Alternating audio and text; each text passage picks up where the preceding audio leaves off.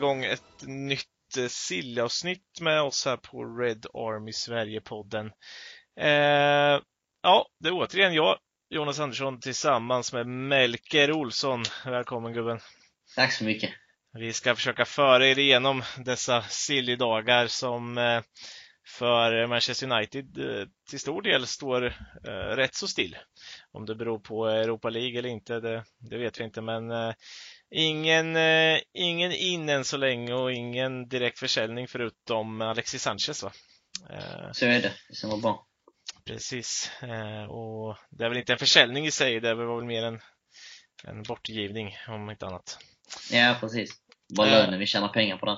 Precis, och det kan bli en hel del pengar när man räknar ihop det. Mm. Eh, och missar ni den summan så kan ni gå tillbaka och lyssna på förra avsnittet så, så får ni en hel del där också. Eh, men eh, vi har väl något annat som är bekräftat där också, jag märker. Yes, eh. det är Ethan Hamilton som United släppte i nu i somras, som går till Peterborough United i League 1. Mm. Skrivit på ett eh, treårskontrakt där om jag inte har helt fel för mig. Ja, just det. Uh, det var kul för Hamilton att, komma någonstans. Peterborough, League One, ja, hyfsat okej. Okay. Uh, det är väl en, en, en, klubb att starta upp i om man säger så. Det var yeah. ingen spelare som var nära ett uh, kontrakt för United ändå. Så att... Ja, precis. Han är många förhand i rangordningen. Så. Precis. Det är en bra flytt. Ja, han har väl varit utlånad en hel del nu också, mm. sista tiden. Och vi kan väl också bekräfta då att uh, som vi sa sist här med Angel Gomes att det blev sanning. Han fick ett kontrakt med Lille och direkt utlånad till Boa Vista, Portugal. Yes. Bra, bra drag. som sagt, Lille, väldigt talangutvecklande klubb och en direkt utlåning till Portugal där han kommer kunna få spela en rätt offensiv fotboll säkert i en rätt offensiv liga. Mm.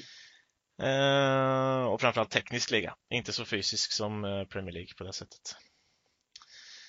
Eh, får väl, ser väl ut att få lite till varo med Jean Vertongen där borta va? Ser ut att yeah. till Benfica om jag såg rätt i, yes, det i, i flödena. Det hade ju varit... en bomb.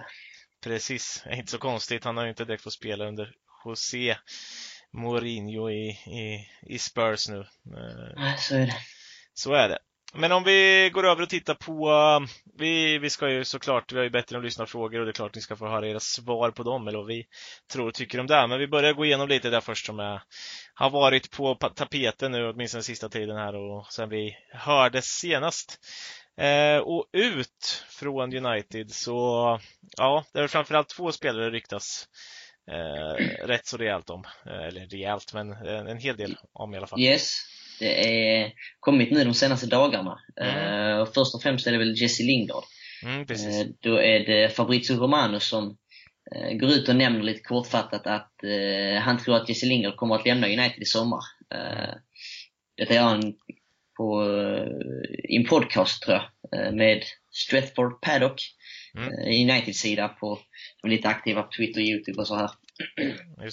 Och ja, det känns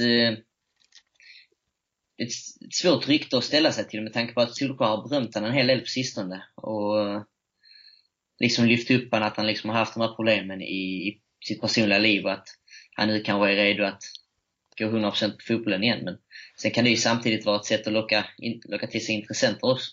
Ja men precis. Uh, och, och, det kan väl inte finnas ett bättre läge än att sälja Jesse Lingard nu när han ändå har gjort några okej okay prestationer. Ja, och, ett par eh, mål. Jaha, precis. Eller ja, precis. Den första prestationen var väl inte så bra egentligen. Han gjorde ett mål mot Leicester när matchen var så gott som slut. Eh, mm.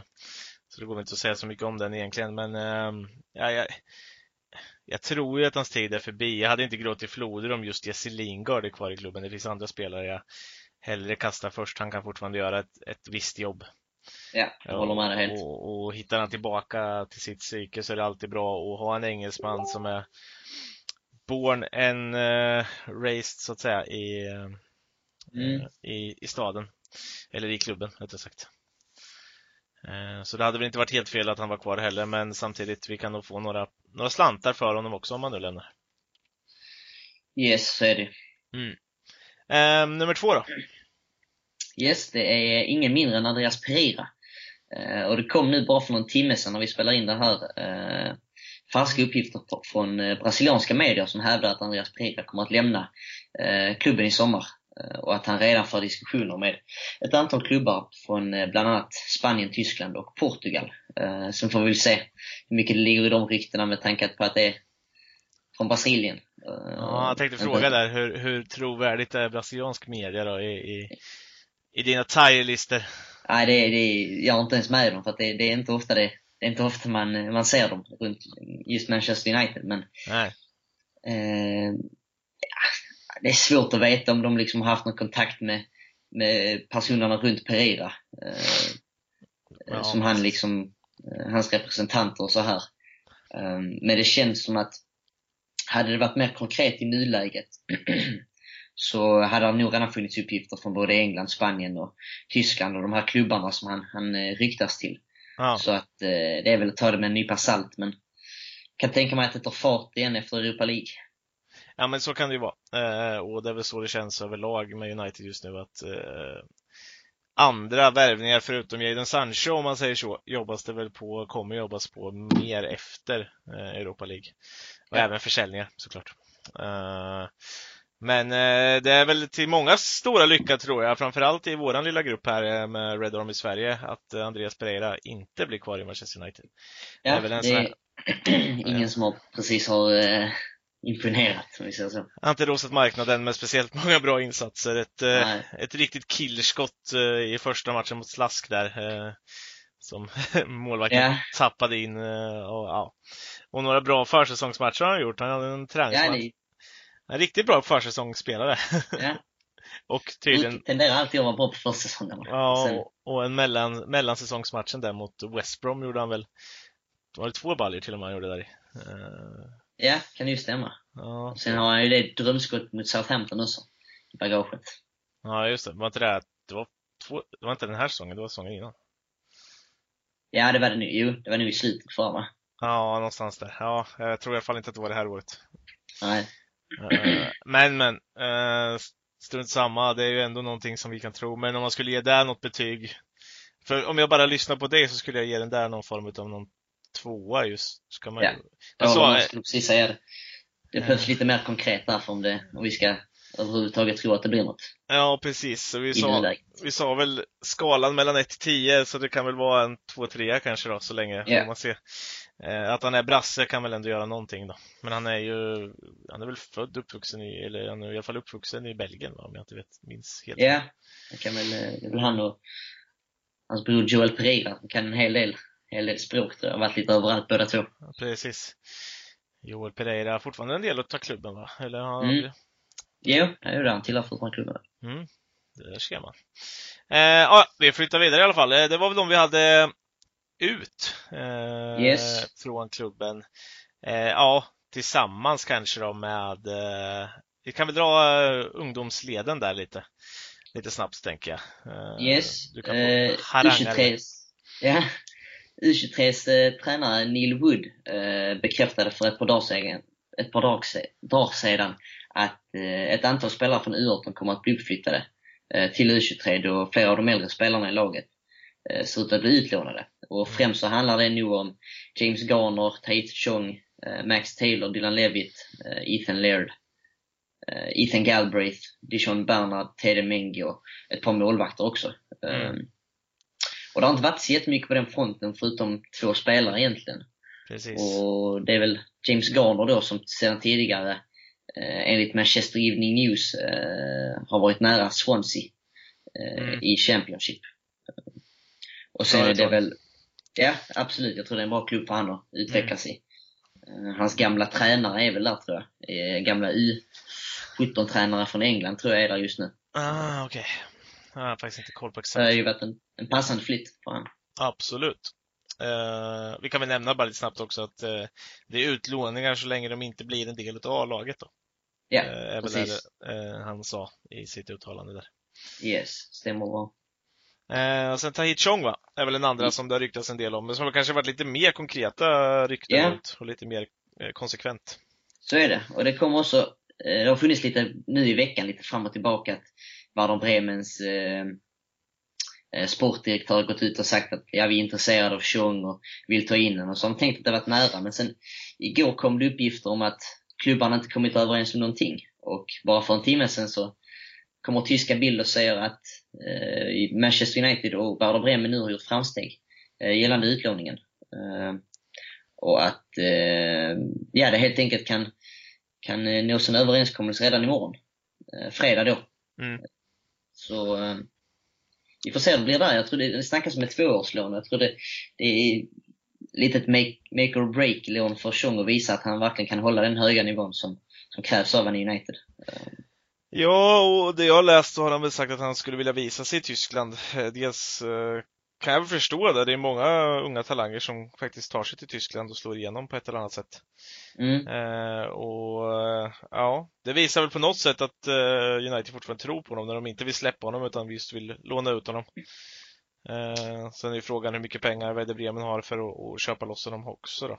Eh, Ja, det vet vi ju inte, men, eh, men det är absolut ett make or break-lån för Chong och samtidigt ett, ett bra lån skulle jag säga. Eh, säkert en, en klubb han kommer kunna få spela en hel del i. Eh, Mm. Och utveckla de här, eller kanske få bort de här valpigheterna han visar en, eh, en hel del på plan fortfarande. Mm. Eh, vad ger vi där? Ryktet då? Det känns väl ändå som någon form av eh, Ja, ganska eh, högt just nu eller? ja, kontexten har väl funnits där ett, ett bra tag både från tyska och engelska medier. Så. Eh, 8-9 av 10. Jag tror Ja. det, det är bara en... Det är också en sån... Eh, jag tror att överenskommelsen kan, kan vara nådd inom bara några dagar, men jag tror inte det blir officiellt förrän eh, Europa League är slut med tanke på att han har gjort något inhopp där och fortfarande är en del av truppen. Ja, precis. Att, eh, men jag tror definitivt det blir av. Eh, ja, men det kan jag också tro. Eh, att det förhandlas kan jag också tro på. Inte något konstigt alls. Mm. Men att det inte heller blir klart såklart förrän, förrän United är antingen har vunnit eller är utslagna ur er. Mm. Så så är det ju.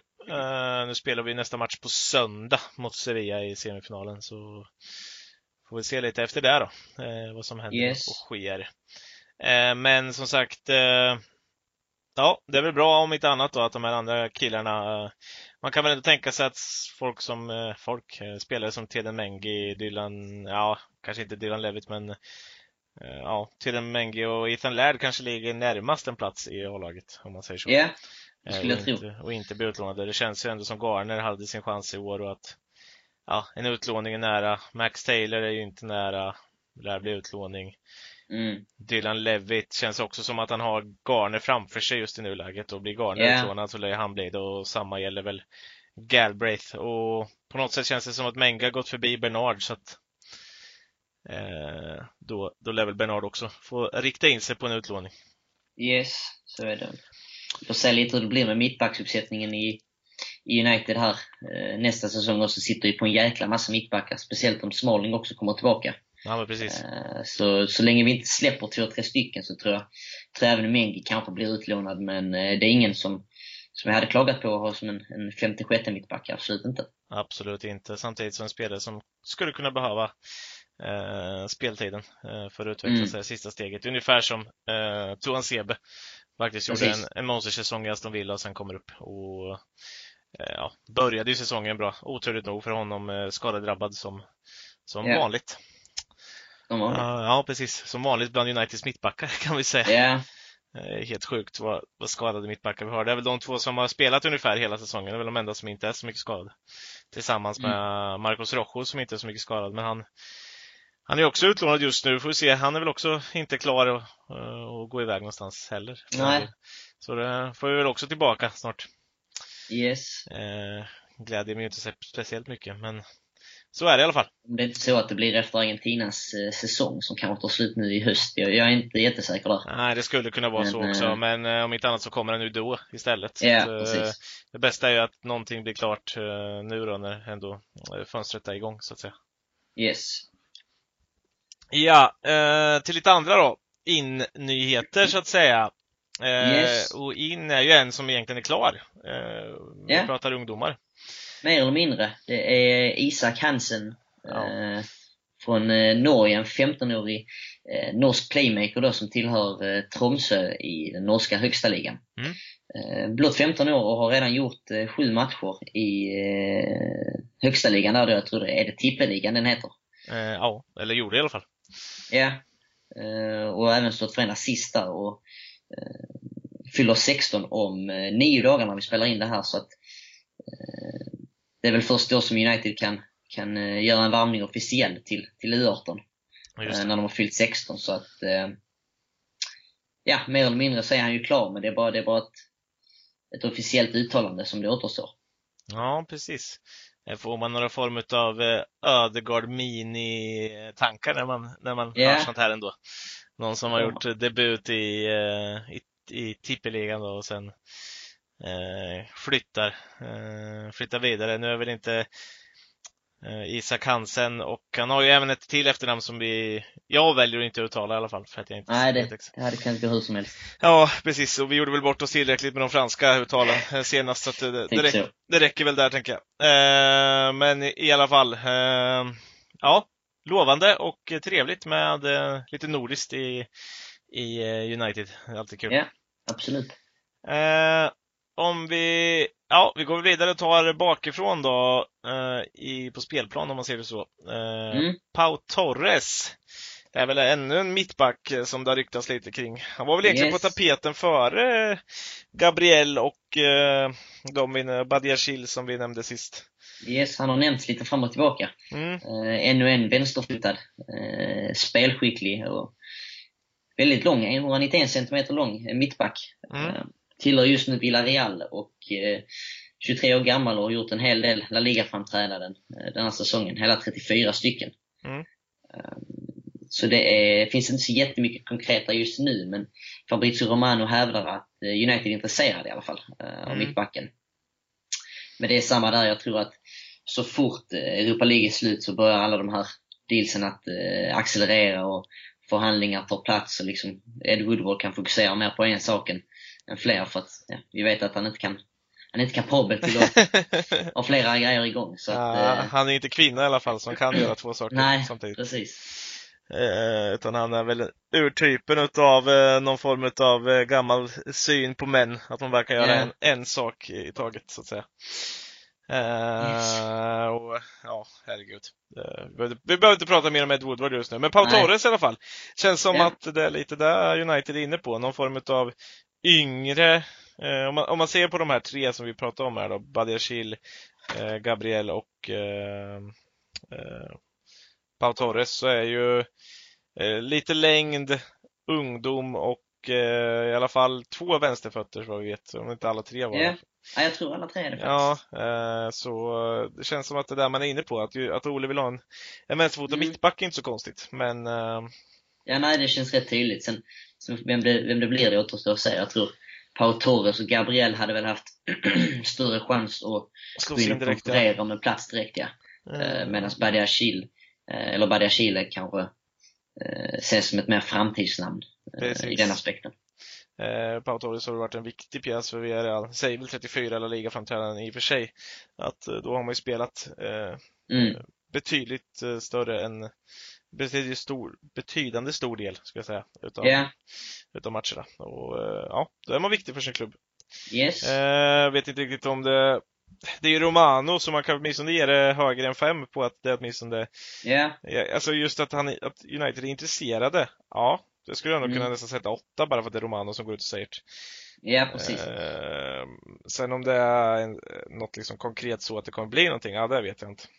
Ja, nej, jag tror, jag tror definitivt vi går efter en av de här tre mittbackarna. Sen, sen vem, det, vem det blir, det återstår att se. Men Mm. eh, ja, sexa, sjua kanske på denna. Ja. Sexa. över nu fem i alla fall. Eh, och det kan säkert blanda sig in någon, hittar säkert någon ny mittback som det kommer ryktas en del om, så får vi Ja, definitivt. Får vi se efter det. Eh, flyttar oss upp i banan då. Eh, kan vi väl avhandla en kille som det ryktas om eh, väldigt mycket i våras, framförallt. Eh, ja, Mm. till och med under januarifönstret så började det väl pyra till lite runt eh, Aston Villas Jack Grealish. Yes, så är det. Framförallt så har det väl ryktats mycket från att de skulle åka ur. Nu klarar de sig kvar. Eh, mycket tack vare ett mål, ett bortdömt mål som skulle varit mål. Trots att vi Ja, har alla kameror i världen. Ja, precis. Eh, i, I grund och botten så är det det som till slut räddar Aston Villa. Mm. Men eh, någonting från Laurie Whitwell va? I, yes, på The eh, Athletic.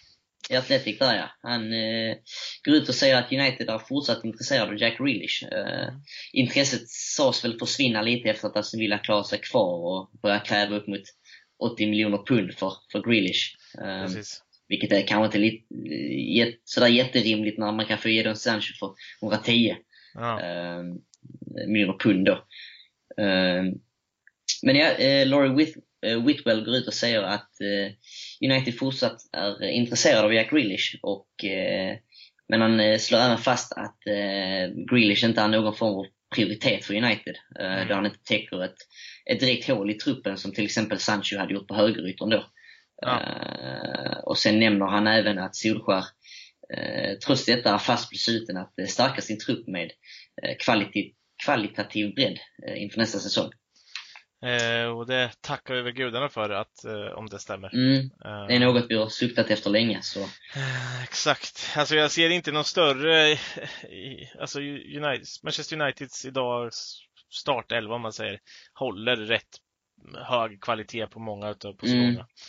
Eh, Men bredden är ju bedrövlig och det ser man ju på på Solskjaer bara i förra matchen. Vad gör han för byten? Jo, han byter ut en defensiv mittfältare och sätter in en annan och byter ut en mittback och sätter in en annan. Ja, precis. M- Mycket på grund av att han inte har, han litar inte på sina reserver. Speciellt. Nej, så är det. Och jag tror, jag läste Rio Ferdinand nämnde det idag, att, eh, om det var idag eller igår, att eh, om man kollar på alla de eh, liksom, trupperna som var eh, framgångsrika under Ferguson, så, så var det ju liksom att, ja, skadade eh, Giggside så var det bara att slänga in Ronaldo eller så, utan att konkurrensen var där och det är väl främst därför man kan eh, konkurrera på samtliga fronter.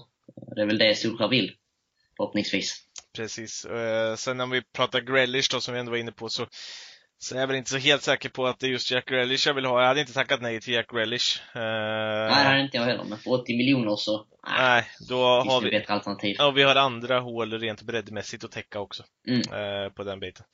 Juan Mata blir ju kvar ett år till, eh, kan vi nästan garantera. Och, Ja. och det är väl lite den positionen Mata täcker just nu och det, det, det får funka. Det finns som sagt annat vi behöver täcka upp för istället. Yes, håller med. Eh, eller lägga våra pengar på. Eh, sen vad gäller det här ryktet, jag vet inte.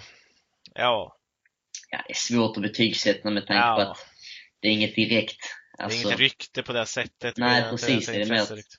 påstående att intresset är kvar. Så.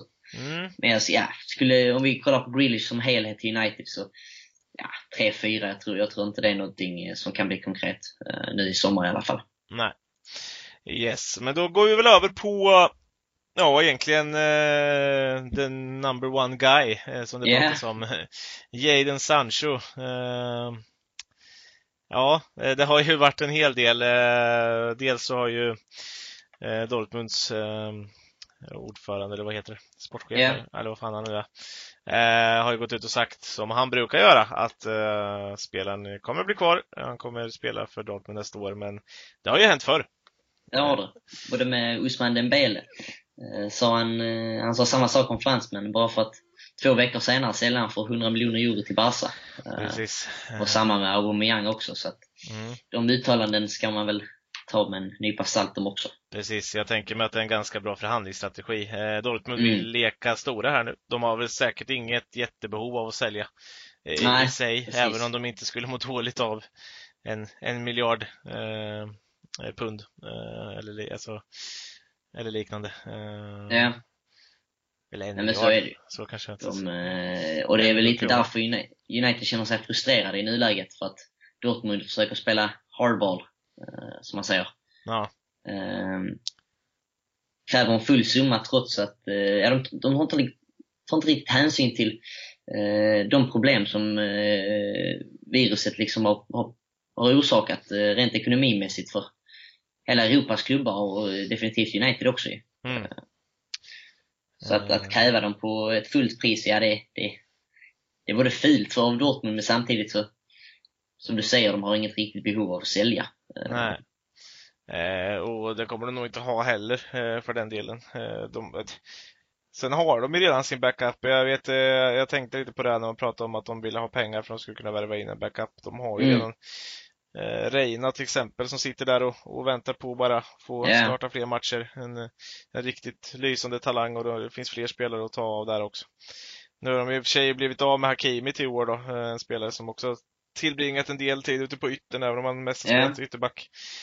Eh, han var ju bara på lån, men eh, jag ser inte att de har ett superbehov av att värva in någon ersättare till Sancho heller. Även om de säkert skulle lägga ner lite pengar på någon. Eh, Ja, det är nog främst bara någon, någon spets då. Så ja, att de liksom kan fortsätta. De tappar ändå en, en eh, världsklasspelare skulle jag säga. Absolut. Om han nu lämnar. Så att, men det har väl ry- ryktats om Milot Rashica från Werder Bremen. ja, just det. Eh, det var den där triangeln ja. Eh, Ja, eh, Werder Bremen till Dortmund, Dortmund till United, United till Werder Bremen. yes, Sancho, Rashica och Tjong där ja. Precis. Eh, Det hade väl varit något, men eh, Yes. ja, alltså det är svårt att betygsätta det här också. Det är fortfarande Romano som går ut med nyheten så att de stämmer, det tror jag. Eh, Mm, han har väl sagt att det fortfarande eh, är helt klart med det här så kallade personliga kontraktet som sagt, som du sa. ja, Eh, men att eh, det, är- det är klubbarna och vi får se hur det fortlöper. Tyvärr så kan väl det dra ut på tiden, men det finns väl lite alternativ om inte annat då, som det har ryktats om. Som också, Fabrizio Romano där som också är, eh, han är aktiv. En hel del, om vi säger så. ja, det här är ju hans, eh, hans livsbruk så att säga, det här silly season-fönstren. Verkligen. Han nämner Usman Dembele från Barcelona. Eh, att det är ett alternativ eh, för Jadon Sancho. Och likaså är Kingsley Coman från Bayern München. Och det är väl två ganska så skadegrabbade, ska, eh, skadedrabbade grabbar, Ja, så. eh, skadedrabbade, lyckade i och för sig, de har bra karriärer, Mm. det kan man inte säga någonting om, men Dembele har ju, ja, han har gjort det bra i Barcelona, men inte lyckats på grund av skador och så, inte lyckats få, få det att stämma helt och och få de där startplatserna. Eh, han gjorde det ju bra ett tag där när Griezmann var som sämst, han fick hoppa in och spela. Ja, Eh, och Koman, alltså det var ju killen som sa att han skulle lägga av vid nästa, vid nästa knäskada, så fick han den, men så la han inte av ändå. Så eh, Hur gammal är han nu, Koman? Vad kan han vara? 24, 25? Jag, jag, jag, tror, jag tror han är 23-24 fortfarande. Mm. Han, eh, han har väl vunnit överallt. Han har varit också i Bayern, eh, Juventus och eh, sista klubb. Eh, Kingsley Coman. Ja. Och vart har han varit? Eh, du sa ju de där två. Eh, det går ju rätt snabbt att kolla i och för sig, men Coman är i alla fall 24 år. Född Ja. 96. PSG blir det väl? Ja, det har han ju varit i, lär han väl ha varit, antar jag. Eh, Ja. Ja, det har han. Även om han inte var involverad så mycket. Men Gick från PSG till Juventus, det har du helt rätt i. Eh, Ja, just det, det var den där, eh, han slog igenom som någon form av talang där och sen så mm, knep Juventus honom på något konstigt sätt. yes. Kommer du ihåg att Roman- tyckte att det var märkligt? Ja, det är det. Men han har ju vunnit över, överallt han har gått, även om han kanske inte varit frontfigur i, i någon av klubbarna. Men Mm. det är ju fortfarande ett bra CV han har, om vi ser så. Eh, Fortfarande ung. Precis. Eh, ja. Och de här två värvningarna är väl inte mycket att, att prata om. Jag, jag, helst ser jag ingen av dem. Om vi nu missar Sancho. För det första så, så spelar väl Coman väldigt mycket ute till vänster. Ja, det, det, behöver, det.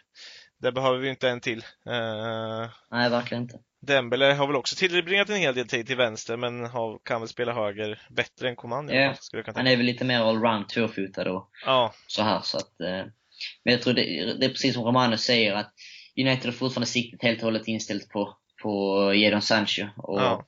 Skulle det sen visa sig att ja, det går inte så, så det, detta kan vara två namn som man går efter. Men eh, Ja. det återstår ju att säga det också. Jag har svårt att se United släppa tanken på Sancho ända fram till deadline day. Eh, Ja. Egentligen.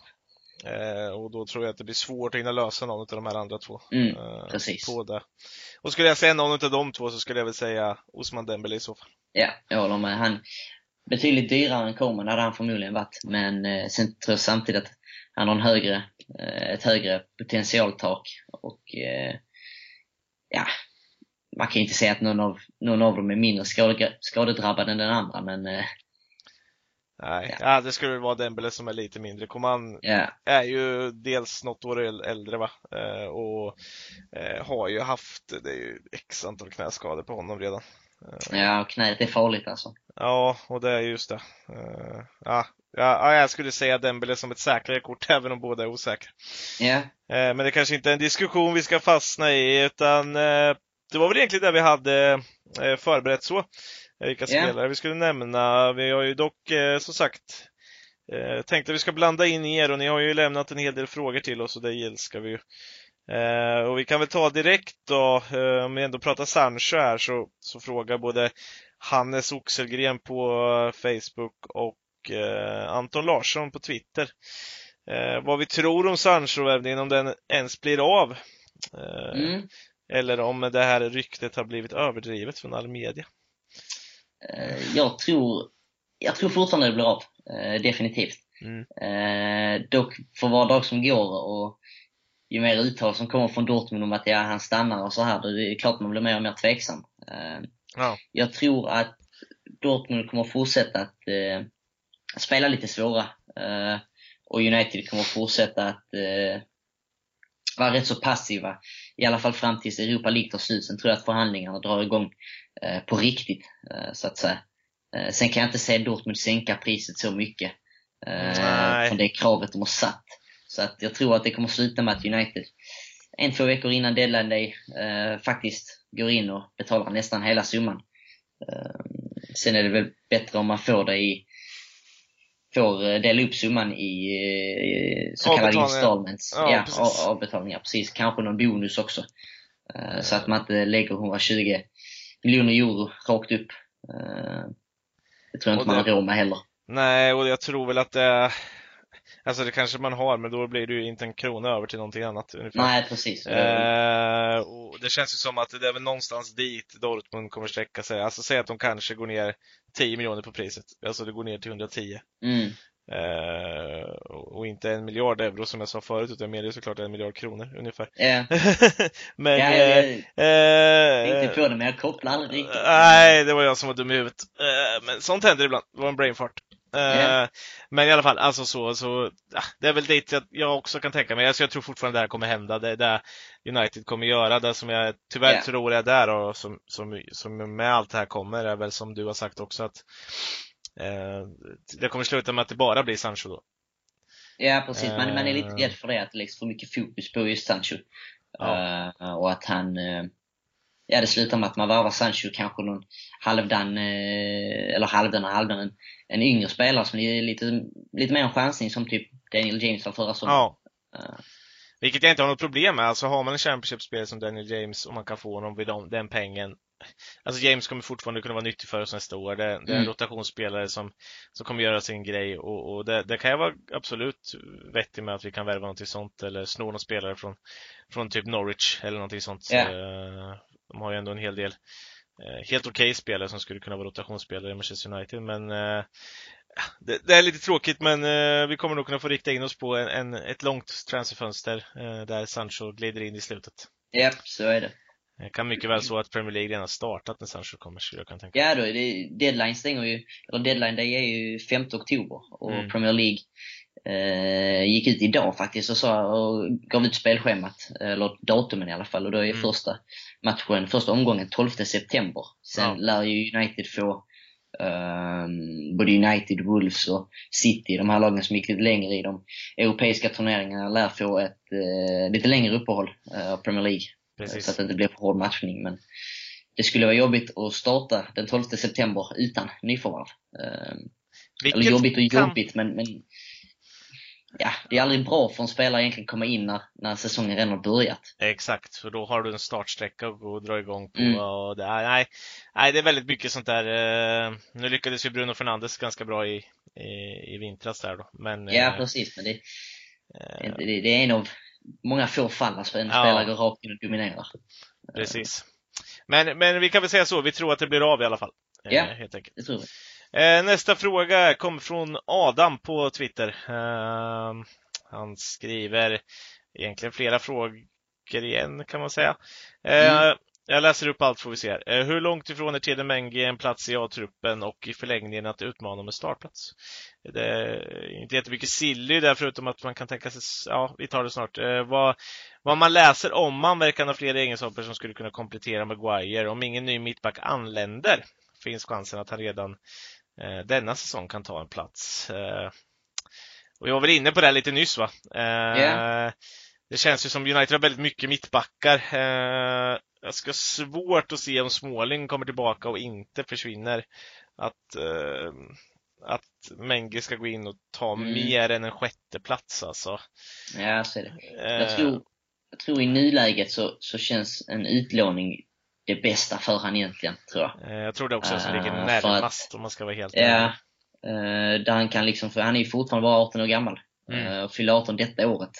Så han är född 2002. Um, och han, jag tror, jag tror han hade gynnats av att få ett år uh, utlånad i, i, en klubb där han får spela seniorfotboll regelbundet. Så att mm. han liksom verkligen kan visa att han, han håller för denna nivån. Och sen kan man ju ta en ny diskussion nästa säsong om han är redo för att vara en, en backup-spelare. Exakt. Eh, men jag, alltså om ingen i mittback anländer, ah, det ska också till att vi släpper mittbackar. För att yeah, annars kan jag tro att det är ju Lindelöf och Maguire är före. Yeah. Erik Bajy är före så länge han är kvar. Eh, Toan CB är före så länge han är kvar. Eh, mm. Och Småling lär vara före så länge han är kvar. Han skulle absolut kunna peta bort eh, Phil Jones och eh, Marcos Rojo om de yeah, och det, kommer tillbaka. Det är ju någonting Olle hellre hade gjort också, även om Jones och Rojo kanske i, i nuläget eh, är lite bättre så är ju till den Mengi ett långsiktigt bättre alternativ. Absolut. Eh, Eh, så att, äh, svårt att se att eh, Mengi tar en plats i år så länge inte mittbackar lämnar, utan det hänger nog mer på det. Sen yes. att han har egenskaper som skulle kunna komplettera Maguire, absolut. Eh, och eh, det kan jag lova Adam att det kommer vi tillbaka till säkert eh, när Mikael är tillbaka och vi börjar prata lite mer inför säsongen. Och mm. då kanske vi vet lite mer. Eh, vi tar Dennis Rönnemark här. Eh, vad har ni för önskemål kring den sittande mittfältsrollen? Eh, kommande år. Förutsatt att Pogba och Bruno är de två andra mittfältarna. Någon befintlig klubben som tar över efter Matic? Eller ser ni något nyförvärv? Gärna era önskemål. Eh, även, men även vad som är mest troligt. Mm. Eh, Matic lär ju spela, eh, har svårt att se annat. Eh, yeah. han, han ser ut att hålla en säsong till, han ser ut att vara på bättre form än på väldigt länge. Mm. Eh, och man ser skillnaden på honom och Fred bara i matchen mot Köpenhamn. Yeah. Framförallt med boll. Uh, Fred är duktig defensivt och kan absolut göra sin roll där men uh, saknar fortfarande alldeles för mycket i, i spelet med boll. Uh, yeah. och det tror jag, blir, tror jag blir hans fall. sen är det så här, någon med fintlig i klubben, ja, det skulle väl vara om, om Matic lyckas skola Scott McTominay. Det, yeah tror det blir svårt, men... Uh... Tror jag, så jag, tror inte han, jag tycker inte han är en spelare som kommer passa den rollen. Uh, Nej. Även långsiktigt. Jag tror, tänker man långsiktighet så är väl James Garner den som kanske passar bäst, och kanske även uh, Dylan Levitt som en, en ja. djup playmaker. Men jag ser inte riktigt Sen har de inte riktigt det, defensiva. det defensiva, nej. nej. precis, det defensiva tänket som Matic har. Och därför så, i mitt, mitt tycke så behöver United leta efter ett, ett nytt alternativ som Precis. Eh, inom snar framtid kan ta över efter Matic. Just nu är han ju i redig form, men, men, man vet ju aldrig liksom när åldern kickar in och, och mm. skador och, och dylikt. Eh. Och här kan vi väl blanda in Stefan Magnusson då, som redan var inne på vårt inlägg i, från förra podden och skrev en fråga vad vi tyckte om en Didi från Leicester. Och det är ju en sån spelare som skulle kunna vara Eh, jag har tyckt om Ndidi väldigt länge egentligen. Eh, nu har han gjort en sisådär säsong skulle jag säga. Mm. Framförallt sisådär vår eh, med skador och så och var, såg rent ut sagt bedrövlig ut i flera matcher efter uppehållet. Mm. Men fortfarande en spelare jag tror väldigt mycket på. Lite konstigt för mig att ingen har varit på honom tidigare. Utav mm. de större klubbarna. Kan vara lite oskolad ibland. Så som en del afrikanska spelare tenderar att vara att de slänger sig in i vissa situationer. Ja, yeah. Vi har sett Bailly och, och Kolo Touré och sådana här spelare yeah. har haft de problemen. Precis. Sen är det lite, för att den rollen som Matic just nu täcker. Alltså det är, det är, liksom, det är 50% kvalitet och sen är det 50% erfarenhet. Han, Mm. han vet ju var han ska stå, han vet ju var han ska röra sig. Han, han läser liksom spelet, han är ju otroligt smart Ja. eh, på det sättet. Och jag tror det, i en defensiv mittfältare så, så, så kommer det liksom med åren. Och jag tror det är något som kanske kommer komma till Ndidi också. Ja, Eh, nu är han ju fortfarande relativt ung. Eh, men precis, han är lite rå som du säger. Eh, precis. Och skadedrabbad, eh, som sagt nu, eh, blivit det. Eh, vilket inte tenderar att vara bra för de här spelarna som är lite råare. Vi har sett Bajir Nej. åka ut. ja, Eh, ja, man tror nästan Bajir ska bli skadad i varje match just för att han slänger sig in på det sättet. Och ja, så är det. nu, nu kanske inte Ndidi är likadan precis så då, men eh, ja, det, det, det finns ju en del, en del frågetecken att Mm. räta ut där också. Eh, men det finns väl ett par till sådana spelare som man skulle kunna tänka sig. Thomas Partey. Ja, det är en personlig favorit. eh. Billig utköpsklausul, utköpsklausul där också på 40 miljoner euro, om jag inte minns fel.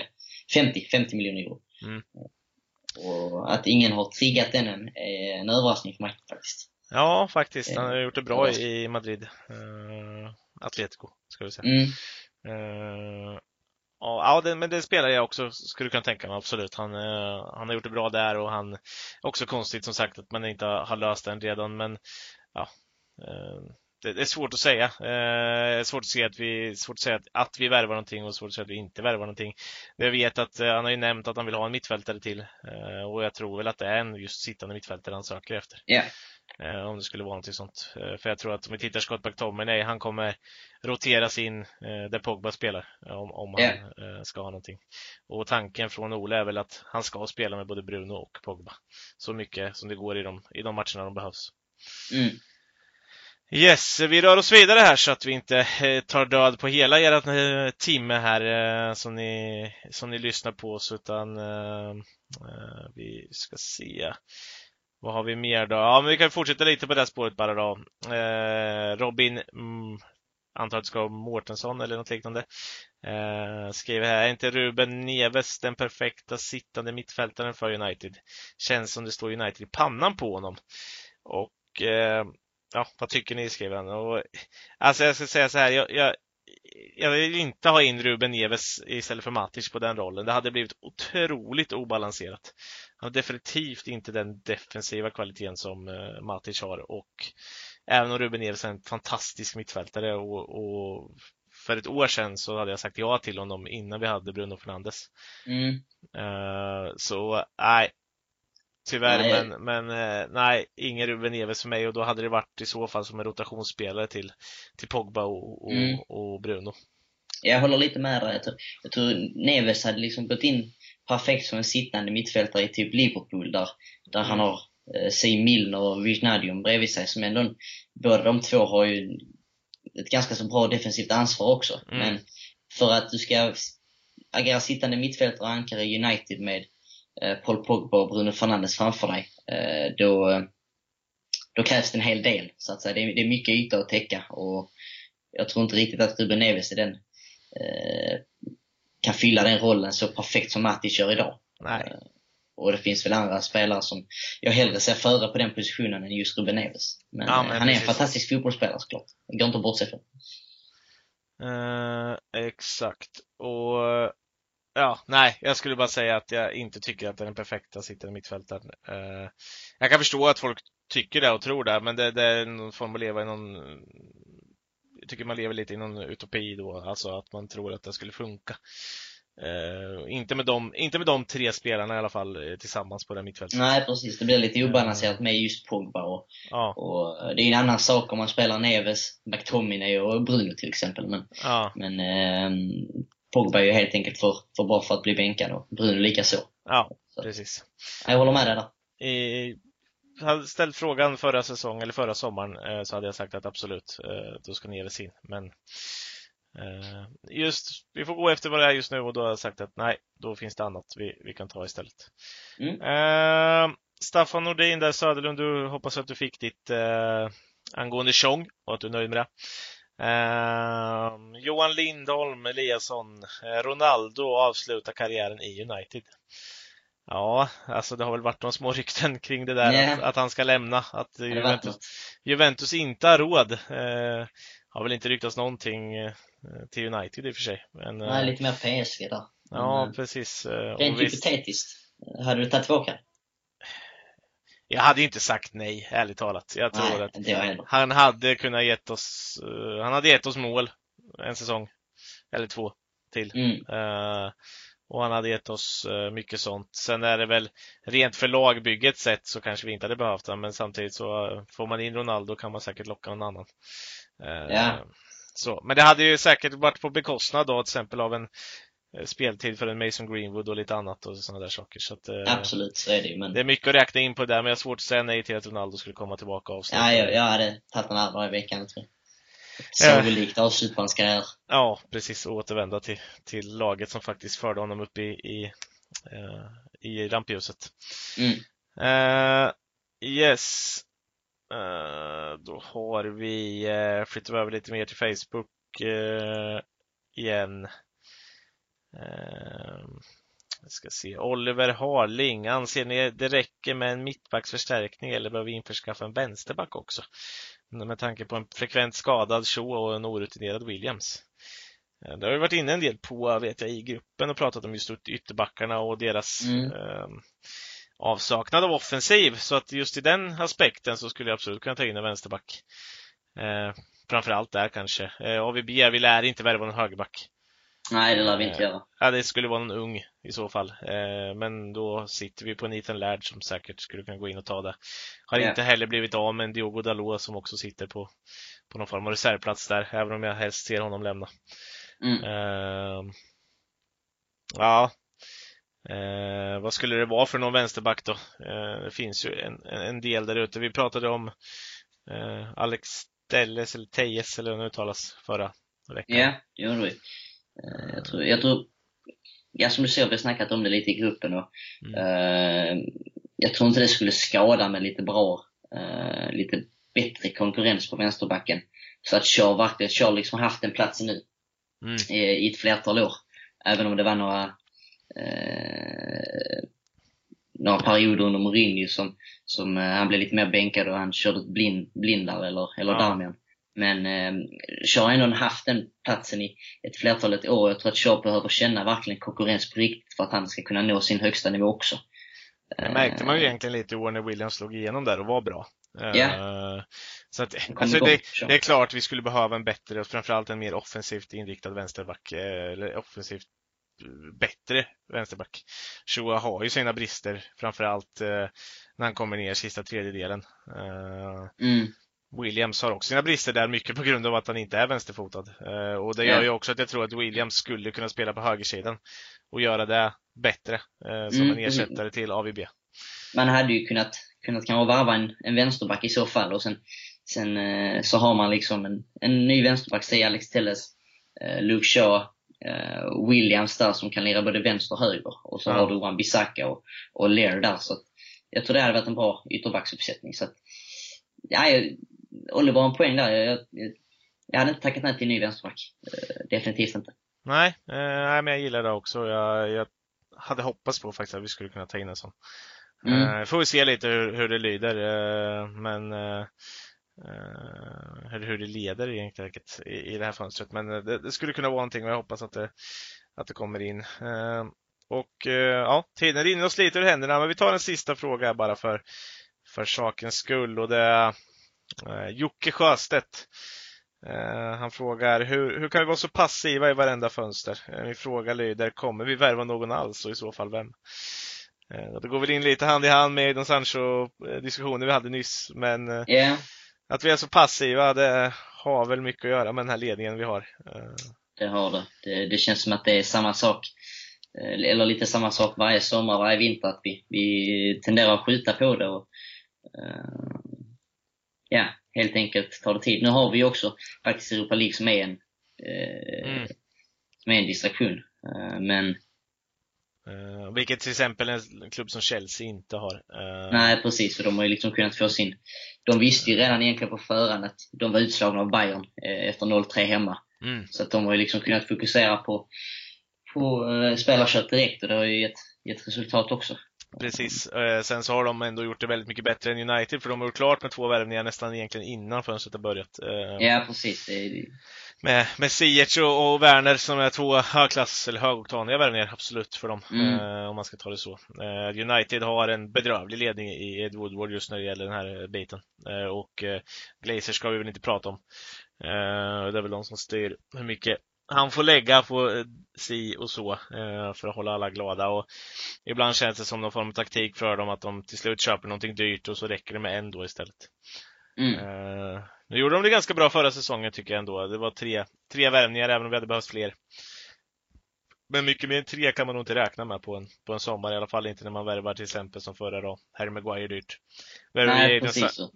Värvar vi Jadon Sancho i år så den här, den här fönstret så, så kan vi nog max räkna med en till, två till skulle jag Ja, precis. Och det är lite som eh, sista kommentaren där på Facebook, eh, Kim Hattakan, eh, Mm, han skriver lite om där. Eh, på grund av det rådande ekonomiska läget som, som just nu finns i europeiska klubbarna. Mm. Eh, om, om vi tycker det är rätt att gå all in på Sancho. Eh, eller om man istället bör fördela pengarna till, till lite flera köp. Eh, Några eh, lite mer rotationsspelare och breddspelare så att vi kan få en konkurrenskraftig trupp. Och det är en, eh, rent ut sagt en skitbra fråga. Eh, man vill ha in Sancho, såklart. Eh, men man vill samtidigt inte att vi lägger alla pengar på, på en spelare när det Mm. kanske finns andra positioner också som behöver, behöver eh, fyllas upp. Så att, eh, nej, det, det är skitsvårt. Ja, det är det. Eh, och det gäller samma sak. Daniel Auremius skrev ju om eh, eh, minimera spenderingen med ytterligare juniorers speltid. Ja, det hade ju spelat Glazers de här i, i, i, eh, i, rakt i händerna. Eh, och Ja. eh, Ja, eh, det är ju lite sådär. Eh, och det är, men det, samtidigt så är det det Olle vill göra också. Lite juniorer vill han ha in, men han måste ändå ha kvalitativ bredd för att kunna få in dem. Mm. Eh, så är det. Eh, det är svårt som junior att gå in i ett lag som inte mår bra och eh, just, nu det mår, just nu mår United hyfsat okej, men bänken mår bedrövligt. Eh, Ja, det behövs det verkligen. Så är det. Och det, Uppgraderingar. eh, det krävs konkurrens för att, öka på det här ytterligare steg för att vi ska kunna leverera i de här tävlingarna vi ska vara med i nästa år. Framförallt Champions League. Då. Mm. Eh, så att vi får, vi får se lite, men eh, ja. Men det här andra, värvar vi någon överhuvudtaget? Ja, någon kommer vi värva. Frågan är Ja, vem. det, annars blir det, blir det uppror. Det kommer bli uppror och då kan vi nog räkna med att de här protestaktionerna igen mot Glazers kan komma att eh, sätt, sätta igång igen. Eh, och det tror jag helst de klarar sig utan. Japp. Eh, yes, det, ja, vi får väl avrunda där helt enkelt. Ja, Eh, får tacka dig för eh, den här gången. Eh, Tack själv. Mm, så får vi se. Försöker väl dra ut ett, eh, ett avsnitt till eh, kommande vecka. Vi försöker få lite kött på benen innan, vi, innan vi kör igång. Men eh, vi får se lite. Det, det rullar på lite här nu för Mm. oss. Det kommer säkert öka på efter, efter söndag om inte annat eh, efter finalen. Eh, och, och då ska vi absolut ge er så, så mycket vi kan. Eh, hoppas ni har en bra vecka. Hoppas du får en bra vecka, eh, Melker. En bra helg nu framförallt först och så hoppas vi att det blir en seger på, på söndag och att vi får se United spela en final. Så tackar vi för idag. yes. Bye bye!